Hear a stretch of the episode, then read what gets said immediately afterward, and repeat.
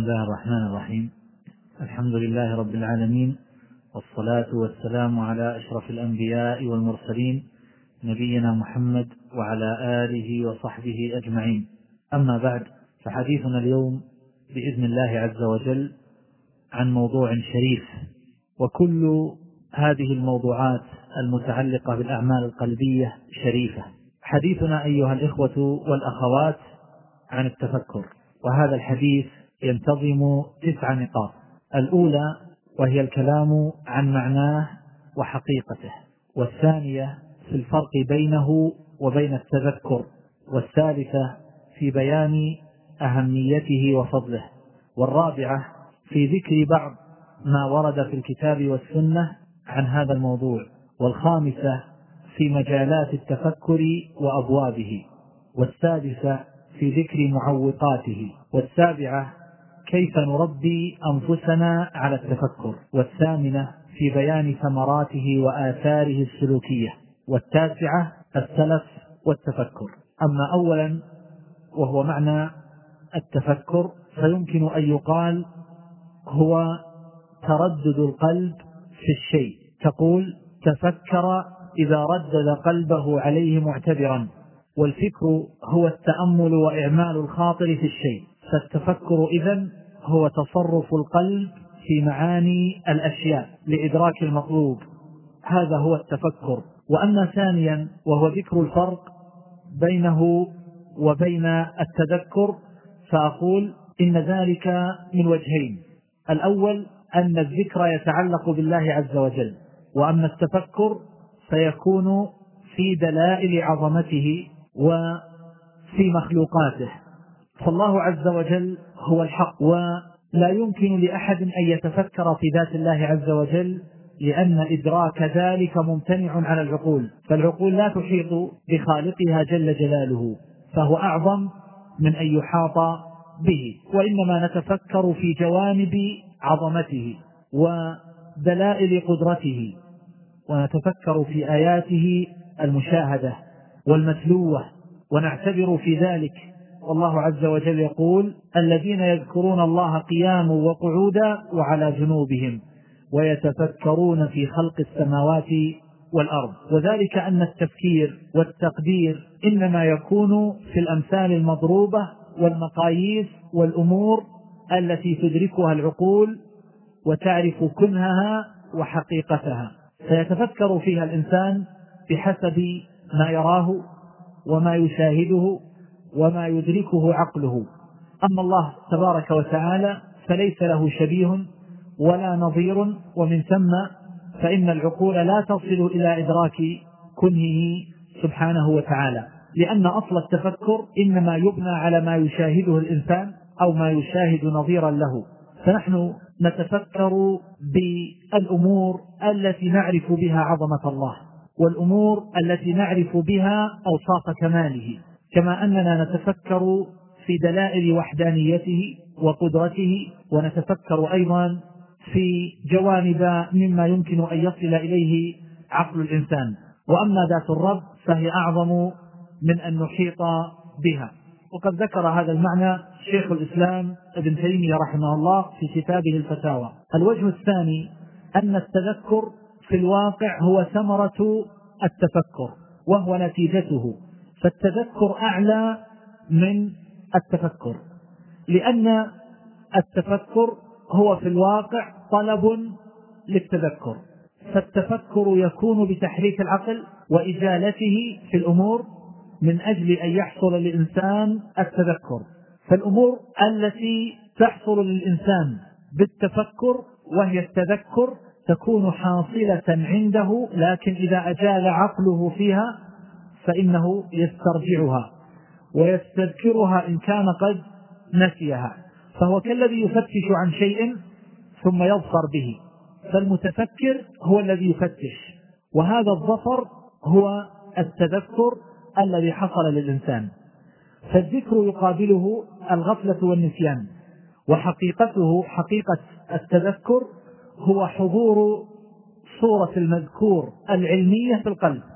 ولهذا يقال له تذكر على بناء التفعل على وزن التفعل لأنه يحصل بعد مهلة وتدرج كما تقول التبصر والتعلم والتفهم فإنه يحصل شيئا بعد شيء. إذا يكون التذكر من التفكر بمنزلة حصول الشيء المطلوب بعد التفتيش عنه. ولهذا كانت آيات الله المتلوة والمشهودة ذكرى كما قال الله عز وجل في المتلوة ولقد آتينا موسى الهدى وأورثنا بني إسرائيل الكتاب هدى وذكرى لأولي الألباب. وقال عن القرآن وإنه لتذكرة للمتقين وأما الآيات المشهودة فقال عنها أفلم ينظروا إلى السماء فوقهم؟ كيف بنيناها وزيناها وما لها من فروج؟ والأرض مددناها وألقينا فيها رواسي وأنبتنا فيها من كل زوج بهيج. تبصرة وذكرى لكل عبد منيب. فالتبصر هو آلة البصر والتذكرة هي آلة الذكر. وقد قرن الله عز وجل بينهما وجعلهما لأهل الإنابة. لأن العبد إذا أناب لكل عبد منيب. لأن العبد إذا أناب إلى الله أبصر مواقع الآيات. والعبر. فاستدل بها على ما هي آيات له فزال عنه الإعراض والغفلة بالإنابة ويزول عنه العمى بالتبصرة وتزول عنه الغفلة بالتذكرة لأن التبصرة توجب له حصول صورة المدلول في القلب بعد غفلته عنها. فترتب المنازل الثلاثة بهذه الطريقة يكون على أحسن وجه. ثم إن كل منها كما يقول ابن القيم رحمه الله يمد صاحبه ويقويه ويثمره. والله عز وجل يقول في آياته المشهودة وكم أهلكنا قبلهم من قرن هم أشد منهم بطشا. فنقبوا في البلاد هل من محيط إن في ذلك لذكرى لمن كان له قلب أو ألقى السمع وهو شهيد. وذلك أن الناس ثلاثة رجل قلبه ميت فهذا الذي لا قلب له. فهذا ليست هذه الآية ذكرى في حقه. والثاني رجل له قلب حي مستعد لكنه غير مستمع للآيات المتلوة التي يخبر بها الله عن الآيات المشهودة إما لعدم ورودها أو لوصولها إليه ولكن قلبه مشغول عنها بغيرها فهو غائب القلب ليس حاضرا. فهذا لا تحصل له هذه الذكرى مع استعداده وتهيئه ووجود قلبه. والثالث رجل حي القلب مستعد تليت عليه الآيات فأصغى بسمعه وألقى السمع وأحضر قلبه ولم يشغله بغير فهم ما يسمعه فهو شاهد القلب ملقي السمع. فهذا القسم هو الذي ينتفع بالآيات المتلوة والمشهودة. فالأول بمنزلة الأعمى الذي لا يبصر والثاني بمنزلة البصير الطامح ببصره إلى غير جهة المنظور إليه فكلاهما لا يراه. والثالث بمنزلة البصير الذي قد حدق إلى جهة المنظور وأتبعه بصره وقابله على توسط من البعد والقرب فهذا هو الذي يراه. ولهذا قال الله عز وجل تبصرة وذكرى لكل عبد منيب لمن ألقى السمع وهو شهيد. فحاصل يكون التفكر بهذا الاعتبار هو طلب القلب ما ليس بحاصل من العلوم من أمر هو حاصل منها. هذا حقيقته. فإنه لو لم يكن ثم مراد يكون موردا للفكر استحال الفكر لأن الفكر بغير متعلق متفكر فيه محال. وتلك المواد هي الأمور الحاصلة. ولو كان المطلوب بها حاصلا عنده لم يتفكر فيه. فإذا عرف هذا فالمتفكر ينتقل من المقدمات والمبادئ التي عنده إلى المطلوب الذي يريده. فإذا ظفر به وتحصل له تذكر به وأبصر مواقع الفعل والترك وما ينبغي إيثاره وما ينبغي اجتنابه. فالتذكر إذن هو مقصود التفكر وثمرته. فإذا تذكر عاد بتذكره على تفكره فاستخرج ما لم يكن حاصلا عنده فهو لا يزال يكرر بتفكره على تذكره وبتذكره على تفكره ما دام عاقلا لأن العلم والإرادة لا يقفان على حد بل هو دائما سائر بين العلم والإرادة. ثالثا في بيان أهميته وفضله. التفكر أيها الإخوان هو أحسن ما تنفق فيه الأنفاس وتبذل فيه الأوقات وتشغل فيه العقول. سواء كان ذلك في التفكر بآيات الله عز وجل وعجائب صنعه والانتقال منها إلى تعلق القلب والهمة به دون شيء من مخلوقاته أو كان ذلك بالنظر في أحوال النفس كما سيأتي أو في غير ذلك من الأمور النافعة التي ينبغي للعبد أن يتبصر بها وأن يتفكر فيها. فالتفكر هو أصل الخير والشر. فالإنسان قد يتفكر في أمور تودي به إلى المهالك وقد يتفكر في أمور يحصل له بسببها أو بسبب هذا التفكر فيها تحصل له النجاة. وذلك أن الفكر هو مبدأ الإرادة والطلب وهو مبدأ الزهد ومبدأ الحب ومبدأ البغض والإنسان إنما يعمل عادة بعد أن يجيل فكره وبعد أن ينظر ثم بعد ذلك يقدم على العمل. يقول ابن عيينة رحمه الله الفكر نور يدخل قلبك. ويقول عامر بن عبد القيس سمعت غير واحد ولا اثنين ولا ثلاثة. من أصحاب محمد صلى الله عليه وسلم يقولون إن ضياء الإيمان أو نور الإيمان التفكر. وقد قيل لإبراهيم النخعي رحمه الله إنك تطيل الفكر. فقال الفكر مخ العقل. ويقول ابن عباس ركعتان مقتصدتان في تفكر خير من ليلة بلا قلب. يعني خير من قيام ليلة بلا قلب. وهذا صحيح لأن الإنسان ليس له من صلاته إلا ما عقل كما أخبر النبي صلى الله عليه وسلم. بل قال محمد بن كعب القرظي رحمه الله لئن أقرأ في ليلتي حتى أصبح بإذا زلزلت والقارعة لا أزيد عليها وأتردد فيها أتفكر أحب إلي من أن أهز القرآن ليلتي هزا أو أنثره نثرا يعني أنه يقرأ إذا زلزلت ويتبصر ويتفكر فيها. أفضل في نظره من أن يقرأ القرآن كاملا لكن بقراءة الهز التي لا تبصر بها ولا تفكر ولا اعتبار. ويقول الحسن البصري تفكر ساعة خير من قيام ليلة. وجاء عن بعض السلف تفكر ساعة خير من عبادة ستين سنة. وهذا لا شك أن فيه مبالغة. ولكن إنما نذكر من هذا ما يوقظ القلوب وينبه على أهمية هذا المطلوب. هذا هو المقصود. قيل لسعيد ابن المسيب رحمه الله ما رأيت أحسن مما يصنع هؤلاء؟ رجل يحكي له أناسا ويصفهم ويقول ما رأيت أفضل من هؤلاء في صنيعهم. فقال له سعيد وما يصنعون؟ قال يصلي أحدهم الظهر ثم لا يزال صاف رجليه حتى يصلي العصر. فقال ويح تفكروا في أمر الله والكف عن محارم الله. طبعا لا شك أن هؤلاء في عبادة وأنهم في عمل صالح وهو من أجل الأعمال الصالحة. لكن سعيد ابن المسيب رحمه الله أراد أن ينبه المتكلم على أمر لعله قد غفل عنه وهو التفكر والتبصر وهو أساس هذا العمل الذي عمله هؤلاء. فإنهم لم يصبروا على هذا التعب والصلاة من بعد صلاة الظهر. إلى صلاة العصر لم يصبروا على هذا إلا بعد إلا بعد التفكر. فإن العبد إذا تفكر حثه ذلك كما سيأتي إلى العمل الصالح والزهد في الدنيا والتشمير في طاعة الله تبارك وتعالى. ولهذا يقول عمر بن عبد العزيز رحمه الله الفكر في نعمة الله عز وجل من أفضل العبادات.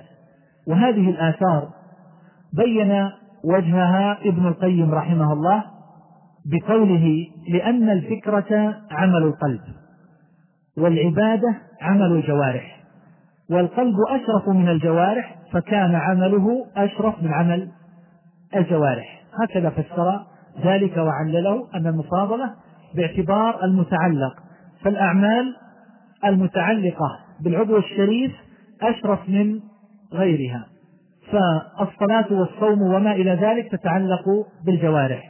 والتفكر يتعلق بالقلب فعمل القلب أفضل من عمل الجوارح. فهذا وجه في المفاضلة لكن يمكن أن يقال إنه لا يوصل إلى هذه الأمور من التشمير في طاعة الله عز وجل أصلا إلا بعد أن يتفكر الإنسان ويتبصر وينظر ويعمل عقله.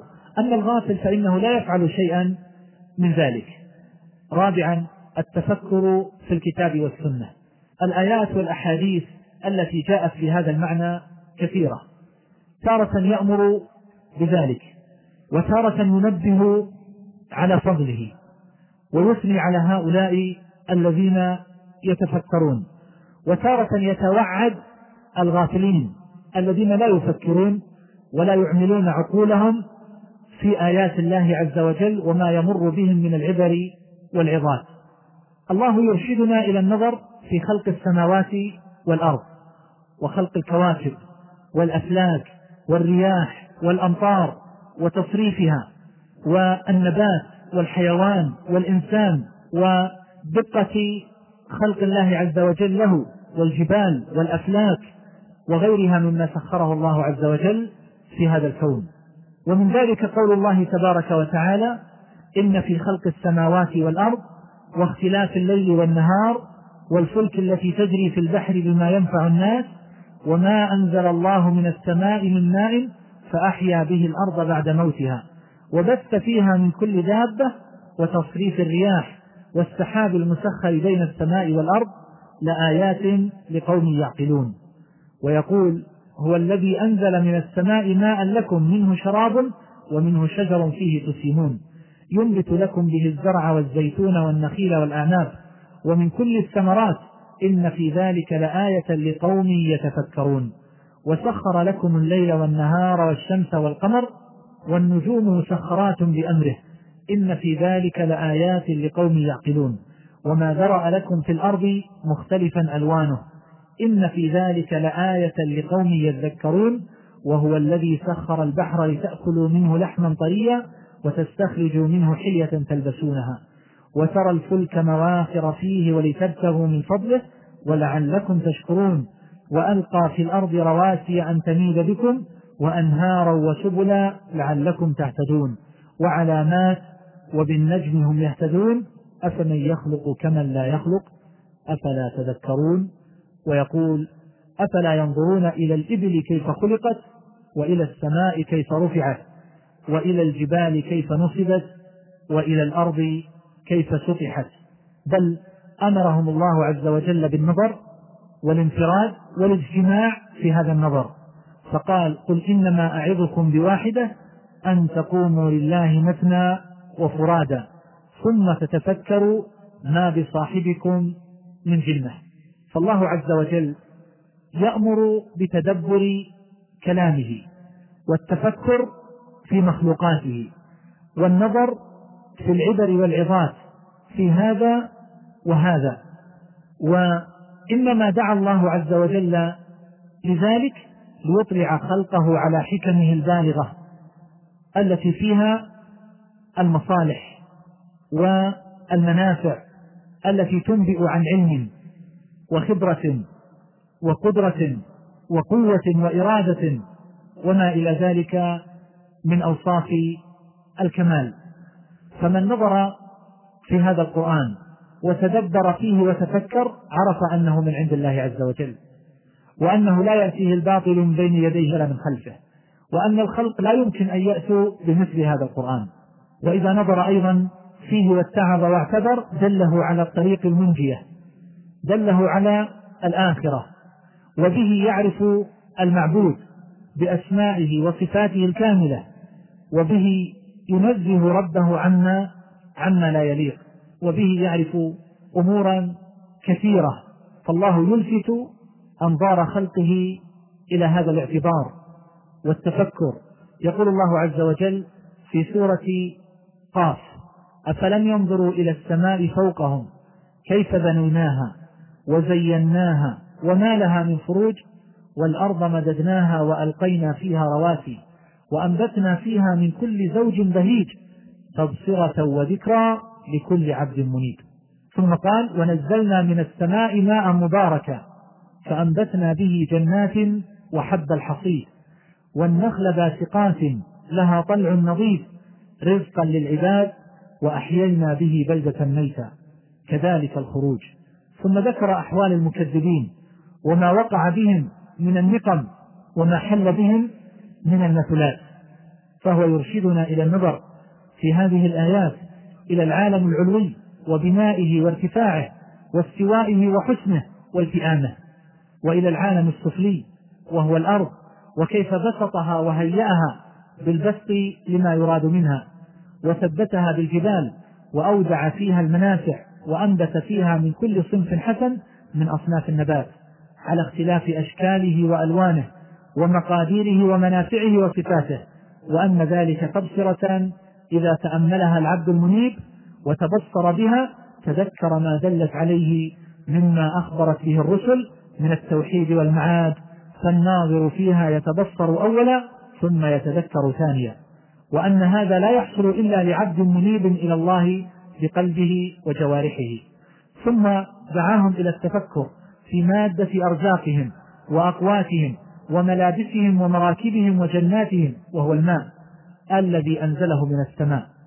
وبارك فيه حتى أنبت به جنات مختلفة فيها أنواع الثمار والفواكه ما بين أبيض وأسود وأحمر وأصفر وحلو وحامض وبين ذلك مع اختلاف منابعها وتنوع أجناسها ثم إن الله عز وجل أيضا يدعو عباده في القرآن إلى معرفته من طريقين. أحدهما النظر في مفعولاته جل جلاله والثاني النظر في آياته وتدبرها. فتلك آياته المشهودة وهذه آياته المسموعة المعقولة. فالنوع الأول كقوله إن في خلق السماوات والأرض واختلاف الليل والنهار والفلك التي تجري في البحر بما ينفع الناس الآيات.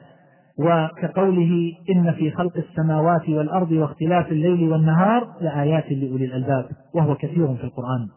والثاني كقوله أفلا يتدبرون القرآن وكقوله أفلم يدبروا القول وكقوله كتاب أنزلناه إليك مبارك ليتدبروا آياته وهو كثير أيضا.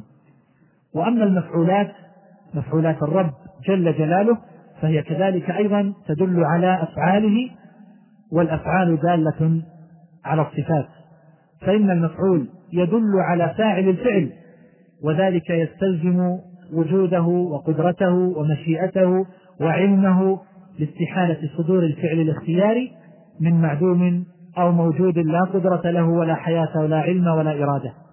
ثم ما في هذه المفعولات من التخصيصات المتنوعة إرادة الفاعل لها وما فيها من المصالح والحكم والغايات المحمودة دال على حكمته تعالى وما فيها من النفع والإحسان والخير دال على رحمته وما فيها من البطش والانتقام والعقوبة دال على غضبه وما فيها من الإكرام والتقريب والعناية دال على محبته وما فيها من الإهانة والإبعاد والخذلان دال على بغضه ومقته وما فيها من ابتداء الشيء في غاية النقص والضعف ثم سوقه إلى تمامه ونهايته.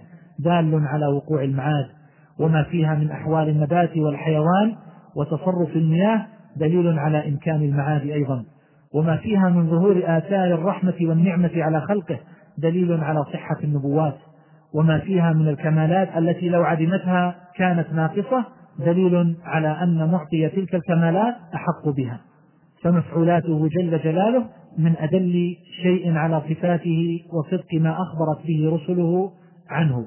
فالمصنوعات شاهدة تصدق الآيات المسموعة وهي منبهة على الاستدلال بالآيات المصنوعات.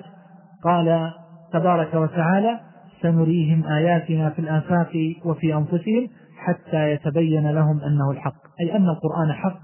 فأخبر أنه لا بد من أن يريهم من آياته المشهودة ما يبين لهم أن آياته المتلوة حق. وهذا ذكره ابن القيم رحمه الله تعالى. يقول عطاء انطلقت يوما أنا وعبيد ابن عمير إلى عائشة رضي الله تعالى عنها فكلمتنا وبيننا وبينها الحجاب فقالت يا عبيد ما يمنعك من زيارتنا؟ قال قول رسول الله صلى الله عليه وسلم زر غبا تزر حبا. قال ابن عمير فأخبرينا بأعجب شيء رأيته من رسول الله صلى الله عليه وسلم. قال فبكت. وقالت كل أمره كان عجبا. أتاني ليلة ثم قال ذريني أتعبد لربي عز وجل. فقام إلى القربة فتوضأ منها ثم قام يصلي فبكى حتى بل لحيته. ثم سجد حتى بل الأرض. ثم اضطجع على جنبه حتى أتاه بلال يؤذنه بصلاة الصبح. فقال يا رسول الله ما يبكيك؟ وقد غفر الله ما تقدم من ذنبك وما تأخر. فقال لقد أنزلت علي الليلة آيات ويل لمن قرأها ولم يتدبر فيها. ويل لمن قرأها ولم يتدبر فيها. إن في خلق السماوات والأرض واختلاف الليل والنهار لآيات لأولي الألباب. وقد أخرج الشيخان من حديث ابن عباس رضي الله تعالى عنهما أنه قال بت عند خالتي ميمونة فتحدث رسول الله صلى الله عليه وسلم مع أهله ساعة ثم رقد. فلما كان ثلث الليل الآخر قعد فنظر إلى السماء فقال إن في خلق السماوات والأرض واختلاف الليل والنهار لآيات لأولي الألباب. ثم قام فتوضأ واستن. فصلى إحدى عشرة ركعة ثم أذن بلال فصلى ركعتين ثم خرج فصلى الصبح. خامسا مجالات التفكير. الأمور التي يجري فيها التفكير ويتعلق بها. أو قبل ذلك لعل من المناسب أن أذكر لكم الأمور التي سأذكرها تحت هذا العنوان وهي مجالات التفكير. أولها الأمور التي يجري فيها التفكير ويتعلق بها. الثاني محال التفكير. الثالث وهو الإرشاد إلى صرف الهمة في التفكير بما يعني. الرابع فكر في مخلوقات الله ولا تفكر في ذاته. الخامس أنفع الفكر. السادس تفكر في كل ما حولك. السابع التفكير الضار والمذموم. متى يكون التفكير ضارا؟ أما أولا وهو الأمور التي يجري فيها التفكير ويتعلق بها. وذلك أربعة أمور. الأول الغاية المطلوبة الهدف يعني أن يفكر الإنسان في الهدف الذي يريد أن يصل إليه. الثاني أن يفكر في الوسيلة الموصلة إلى هذا الهدف الآلية التي يتحقق بها هذا الهدف. الثالث وهو المضرة التي يجتهد في إبعادها ومجانبتها والرابع الطريق والوسيلة التي يستطيع بها التخلص من هذه المضرة والمفسدة بحيث لا يقع فيها. فهذه أربعة أمور. هدفان ووسيلتان. الهدف الأول الغاية المطلوبة مع وسيلة تحقيقها. والهدف الثاني الغاية المرهوبة مع وسيلة النجاة والتخلص منها. فهذه الأمور التي يجري فيها تفكير العقلاء. لا يتعدى هذه الأمور الأربعة. مهما كانت مطلوباتهم ومهما جنحت أفكارهم إلا الذين يسبحون في الخيال فسيأتي الحديث عنهم. لكن الذي يفكر في أمور عملية في أمور يريد أن يحققها وأن يحصلها سواء كانت ضارة أو نافعة سواء كانت محمودة أو مذمومة هو إما أن يكون ذلك هدفا له فيفكر فيه أو يكون ذلك من قبيل الوسيلة لهذا الهدف المطلوب. أو يكون ذلك هدفا مرهوبا أو يكون ذلك من قبيل التفكير في الوسيلة التي يتخلص بها من هذا الأمر أو الغاية المرهوبة. ثانيا التفكير له منزلان أو محلان لا ثالث لهما. التفكير إما أن يكون في الدنيا في أمور الدنيا وإما أن يكون في أمور الآخرة الأمور التي تقربه إلى الله عز وجل. وأبناء الدنيا جعلوا جهدهم وذكاءهم وتفكيرهم منصبا على الدنيا من المناحي الأربعة التي ذكرتها. الهدف عندهم الغاية التي يريدون تحصيلها هي دنيوية والوسيلة التي يريدون التوصل بها بطبيعة الحال هي من الدنيا. والأمر المرهوب عندهم هو أمر دنيوي والوسيلة أيضا هي قضية دنيوية. يعني أهل الدنيا مثلا ماذا يريد هذا الإنسان؟ يفكر أن يكون غنيا. فتجد هذه غاية عنده. والوسيلة ما هي المشاريع التي يمكن أن يفكر دائما؟ ما هي المشاريع الناجحة التي يمكن أن يتوصل بها إلى هذا المطلوب؟ وكذلك الغاية المرهوبة عنده كالفقر مثلا. فهو لا يريد أن يكون فقيرا معدما. فهو دائما يفكر في الأمور التي يمكن أن تجلب له الفقر فيحاول أن يتلافاها. وقد يخطئ كثيرا فيظن أن الصدقة من الأمور التي تورثه فقرا أو كثرة الأولاد فيقلل الأولاد.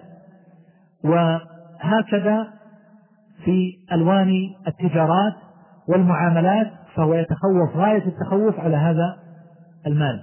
فلا يدخل في مشروع أو معاملة أو تجارة أو غير ذلك إلا بعد أن أن يقتله درسا وبحثا وتفتيشا وتنكيرا لئلا يقع في أمر مكروه.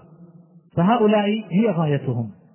وإذا جاء يوم القيامة تبينت وحقت الحقائق تبين لهم ما هم عليه وتبينت حقيقة الربح والخسارة وخسر هنالك المبطلون.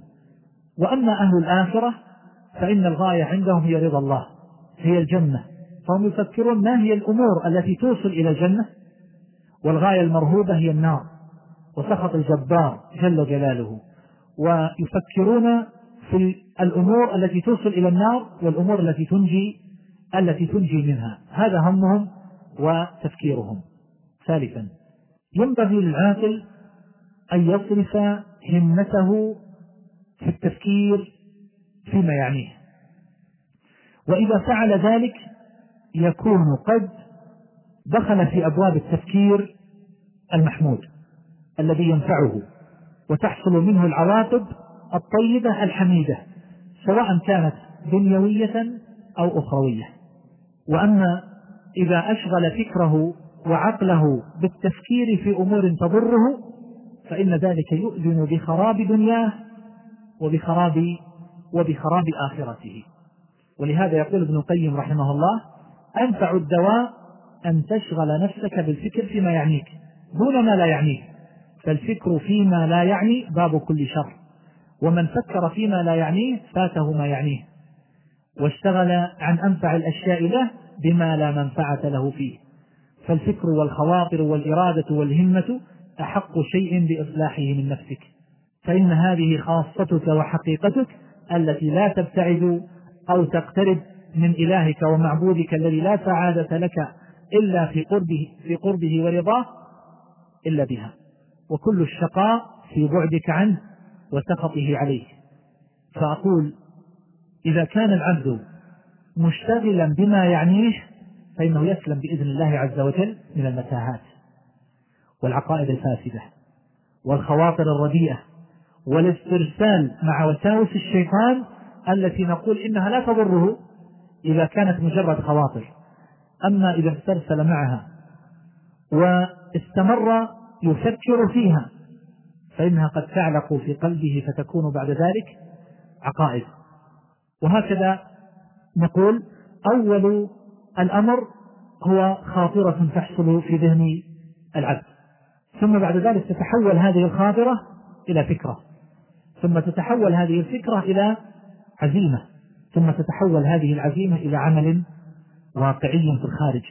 فمن كان شغله في التفكير فيما هو بصدده وفيما يعنيه فإنه يسلم له دينه وتسلم له دنياه.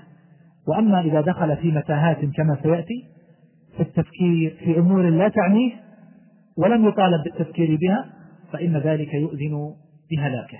وأما رابعا وهو أن التفكير إنما يكون في مخلوقات الله عز وجل ولا يكون التفكير في كنه ذاته يكون التفكير في دلائل عظمته ووحدانيته وقدرته والأمور التي يعرف العبد بها ألوان كماله جل جلاله.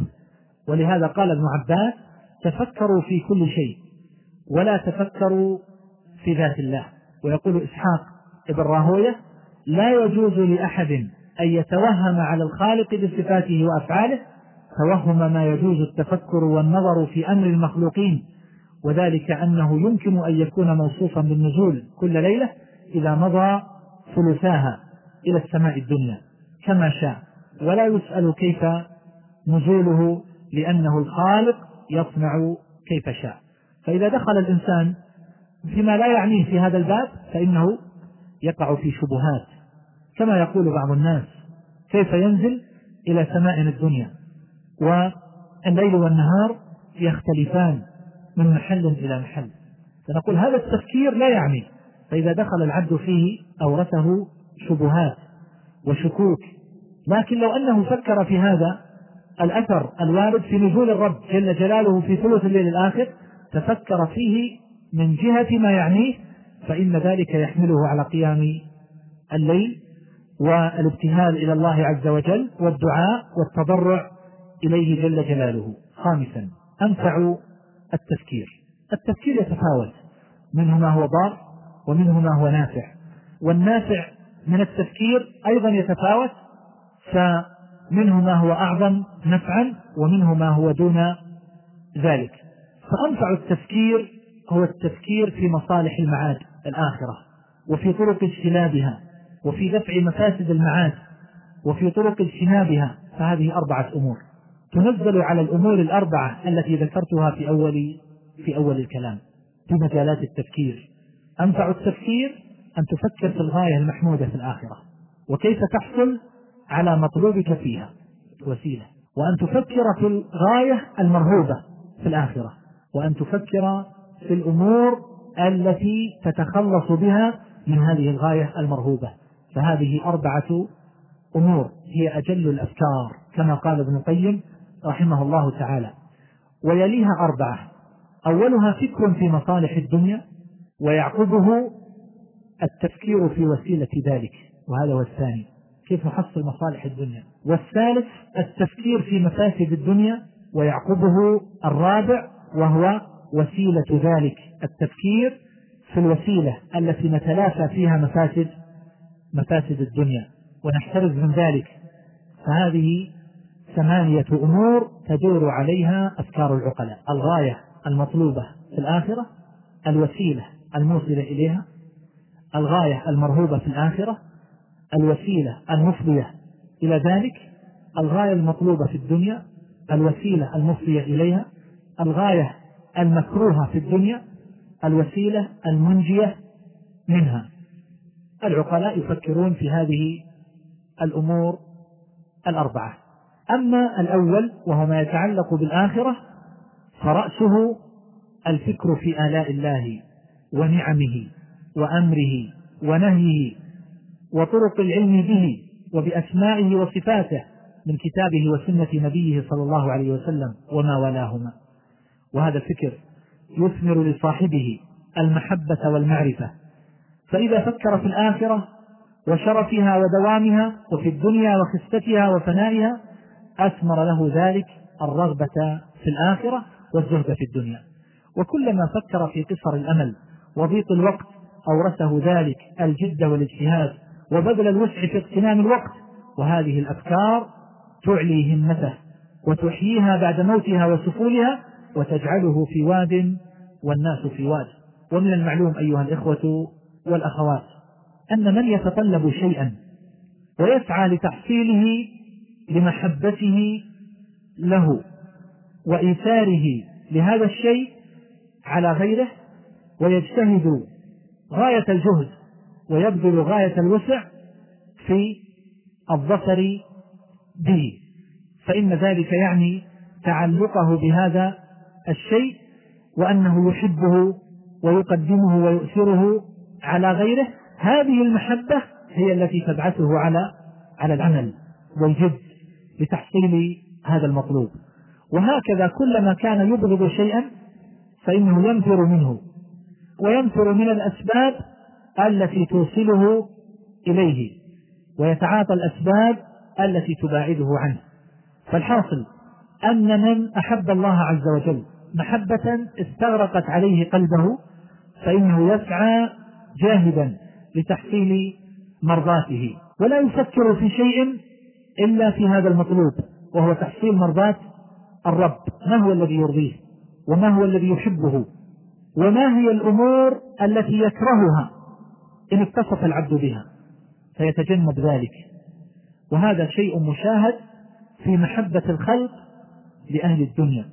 فإن من أحب أحدا من الناس امرأة أو غير ذلك فإنه يبحث عن الأمور التي يحبها هذا المحبوب فيسعى لتحصيلها وينظر في الأمور التي تنفره منه فيسعى لمجانبتها ولا يمكن أن يتصف بها. فالحاصل أن الإنسان الذي قد ملأت محبة هذا المحبوب قلبه لا يشغل فكره إلا في الأمور التي تقربه إليه وفي النظر في الأمور التي تباعده عنه. وهو بهذا الاعتبار بالنسبة لله عز وجل يكون متفكرا في أوصاف كمالاته سبحانه وتعالى. ويتفكر أيضا في أفعال الرب جل جلاله وفي إحسانه وبره ولطفه. وكذلك أيضا إذا نظر في حال نفسه فهو يفكر في الأمور التي يكرهها ربه فيتجنب ذلك. ويتفكر أيضا في الصفات التي يحبها ربه أن توجد فيه فيتصف بهذه الأوصاف. فالفكرتان الأولتان توجبان له زيادة محبته وقوتها وتضاعفها. والفكرتان الآخرتان توجبان له محبة محبوبه له وإقباله عليه وقربه منه وعطفه عليه وإيثاره على غيره. فالمحبة التامة مستلزمة لهذه الأفكار الأربعة. فالفكرة الأولى والثانية تتعلق بعلم التوحيد وصفات الإله المعبود سبحانه وأفعاله. والثالثة والرابعة تتعلق بالطريق الموصلة إليها وقواطعها وآفاتها. وما يمنع من السير فيها إليه فتفكره في صفات نفسه يميز له المحبوب لربه منها. من المكروه له وهذه الفكرة توجب ثلاثة أمور. الأول أن هذا الوصف هل هو مكروه مبغوض لله أم لا؟ الثاني هل العبد متصف به أم لا؟ الثالث إذا كان متصفا به فما طريق دفعه والتخلص منه؟ والرابع إن لم يكن متصفا به فما طريق حفظ الصحة والوقاية والعافية من هذا الأمر؟ كيف يحترز منه؟ وكذلك الفكرة في الصفة المحبوبة التي يحبها الرب تستدعي ثلاثة أمور. الأول أن هذه الصفة هل هي محبوبة لله عز وجل مرضية له التي تريد أن تعملها؟ الثاني هل العبد متصف بها؟ إذا كان يحبها الله هل اتصفت بها؟ الثالث أنه إذا كان متصفا بها فما طريق حفظها ودوامها؟ الرابع إن لم تكن متصفا بها فما طريق التخلق بها وتحصيلها؟ ثم فكرة العبد في الأفعال أيضا على هذين الوجهين ومجاري هذه الأفكار ومواقعها كثيرة جدا كما يقول ابن القيم رحمه الله. لا تكاد تنضبط. يقول وأنا أحصرها في ستة أجناس. الأول في الطاعات الظاهرة الثاني في الباطنة الثالث في المعاصي الظاهرة الرابع في الباطنة الخامس في الصفات والأخلاق الحميدة السادس في الصفات والأخلاق الذميمة هذه ستة أمور. طاعات ظاهرة طاعات باطنة معاصي ظاهرة معاصي باطنة أخلاق حميدة وأوصاف أخلاق ذميمة وأوصاف. فهذه مجاري التفكير في صفات النفس وفي أفعال النفس. أما التفكير في صفات الخالق سبحانه وتعالى وفي أفعاله وأحكامه فهذا يوجب له التمييز بين الإيمان والكفر والتوحيد والشرك والإقرار والتعطيل وتنزيه الرب عما لا يليق به ووصفه بما هو أهله من الجلال والإكرام ومجاري هذه الفكرة تدبر كلامه وما تعرف به سبحانه إلى عباده على ألسنة رسله من أسمائه وصفاته وأفعاله وما نزه نفسه عنه مما لا ينبغي له ولا يليق به سبحانه وتعالى.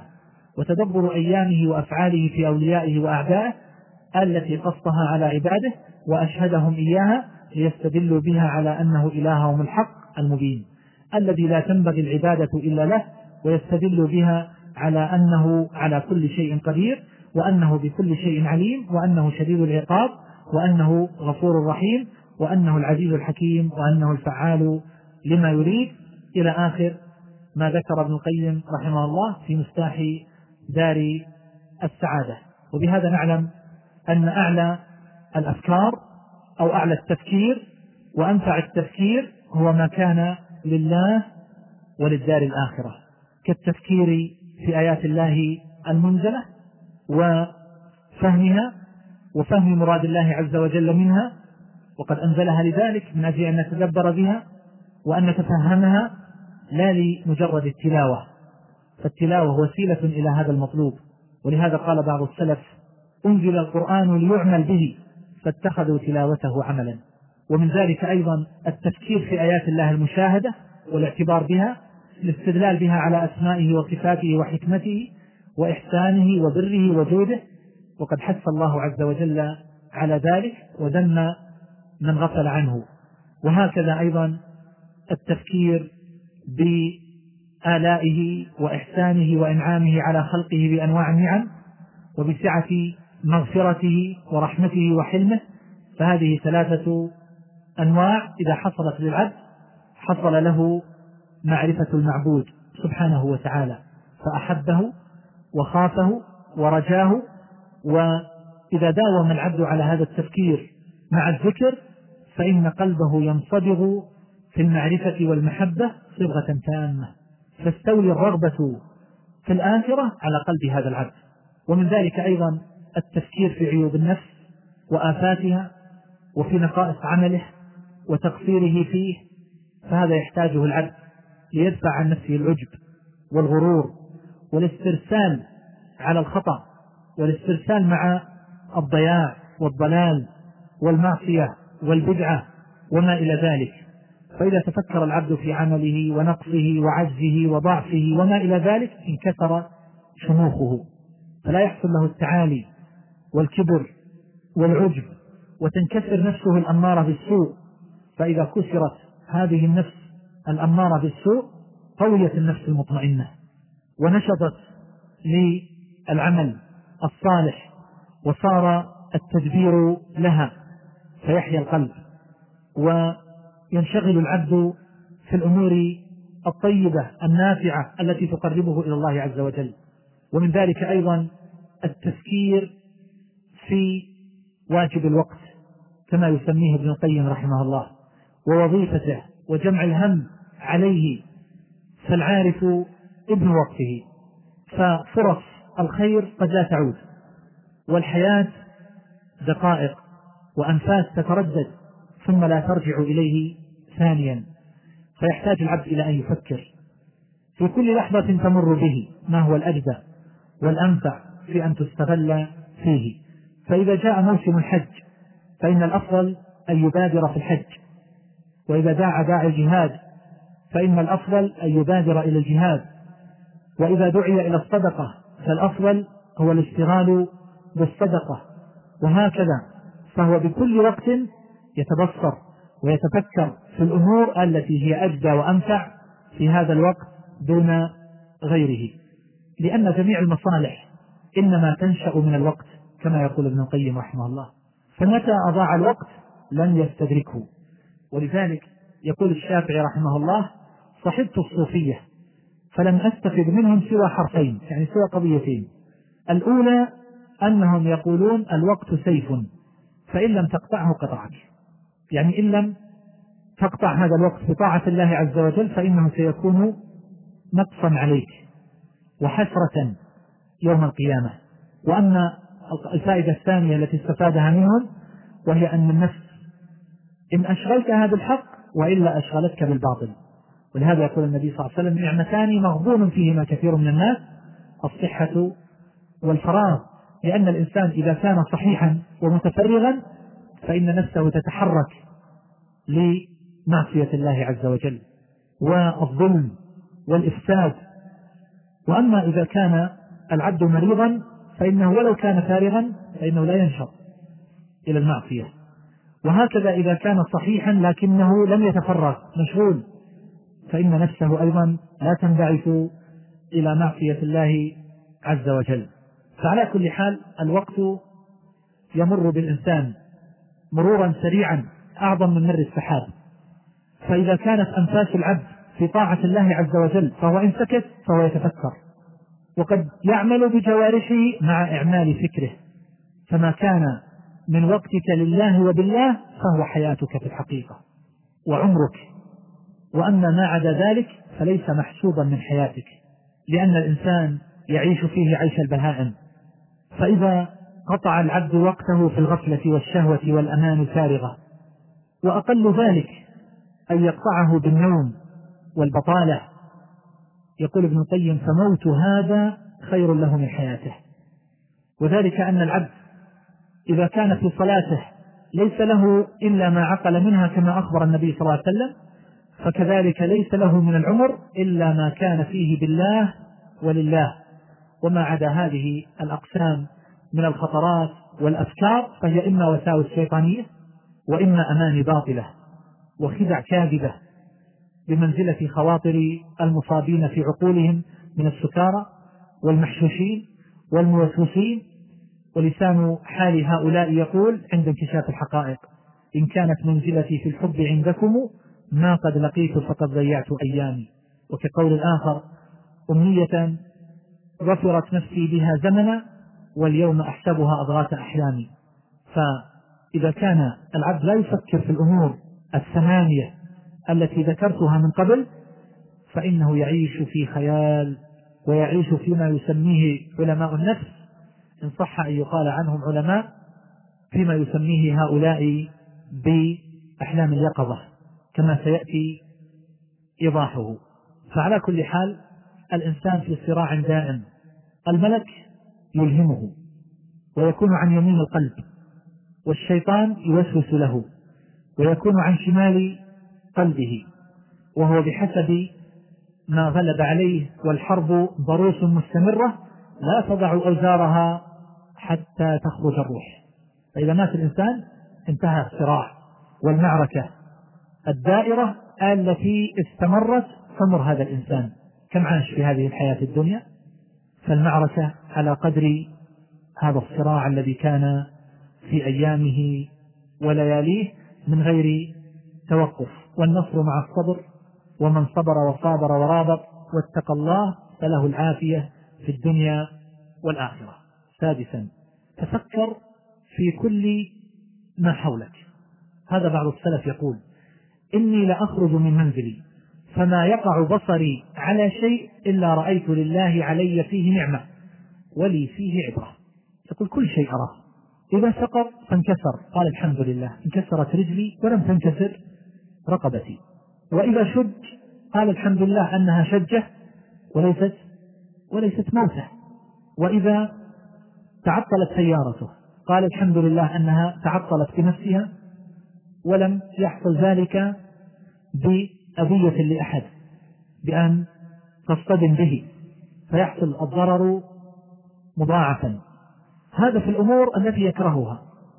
وأما في الأمور التي يحبها فحدث ولا حرج. في كل أمر يرى لله عز وجل فيه نعمة ويرى فيه عبرة. فاجعل هذا خلقا لك. تعود على ذلك كما سيأتي في الأمور التي نحصل بها هذه الخصلة وهي التفكير. عود نفسك على التفكير في كل ما حولك والاعتبار والنظر وإعمال العقل ولا تكن من الغافلين. إذا جلست على الطعام فكر في هذا الطعام. كيف وصل إليك؟ وصل من وراء البحار. ألوان الفواكه والثمار. لا يعرفها أهل تلك الديار لفقرهم وعجزهم عن تحصيلها. وتجبى إليك. حتى تكون بين يديك. ألم تفكر في هذا؟ فكر في حال هؤلاء الذين لا يجدونه. فكر في حال آبائك وأجدادك حينما كان الواحد منهم يمص النوى. وليس ذلك في وقت بعيد. فكر حينما كانوا لا يجدون شيئا يأكلونه ولربما خرج الواحد منهم من الجوع عل أحدا يدعوه إلى طعام. فكر حينما كانوا يضعون العظام التي تكون من الأضحية إلى الأضحية يضعونها في كل مرة في الطعام علهم يجدون طعما لشيء من هذا الدسم الذي هو مستجمع بين يديك تبدي تبرمك به وامتعاضك منه. فكر في هذه الأشياء. فكر في اللائق تجاه هذه النعم. ألست ستحاسب عليها؟ الذي أعطاك إياها وحرمها آخرين. أليس بقادر على أن يرفعها عنك؟ وأن يجعلك تسمع بها ولا تراها؟ ولا تعرفها إطلاقا؟ فكر في أن هذه الأمور هذه النعم هذه المائدة متنوعة الأصناف تستوجب منك ألوان العبوديات لله عز وجل. ولهذا لما جاء سفيان الثوري إلى عبد الرزاق الصنعاني في اليمن فأطعمه من زبيب الطائف وأطعمه شيئا من اللحم. فماذا قال سفيان الثوري؟ قال أعلف الحمار وكده فقام تلك الليلة يصلي إلى الصبح ليقابل هذه النعمة التي أنعم الله عز وجل بها عليه. وكان شعبة بن الحجاج الجبل المعروف من حفاظ السنة كان يقول إذا أعلمت الحمار فكده. فكان إذا أكل جد في العبادة.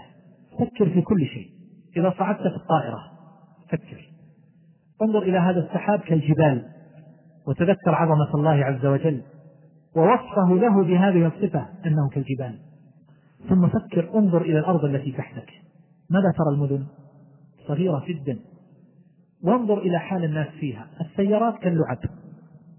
تتحرك بطريقة منتظمة. ولربما رأيتها جميعا.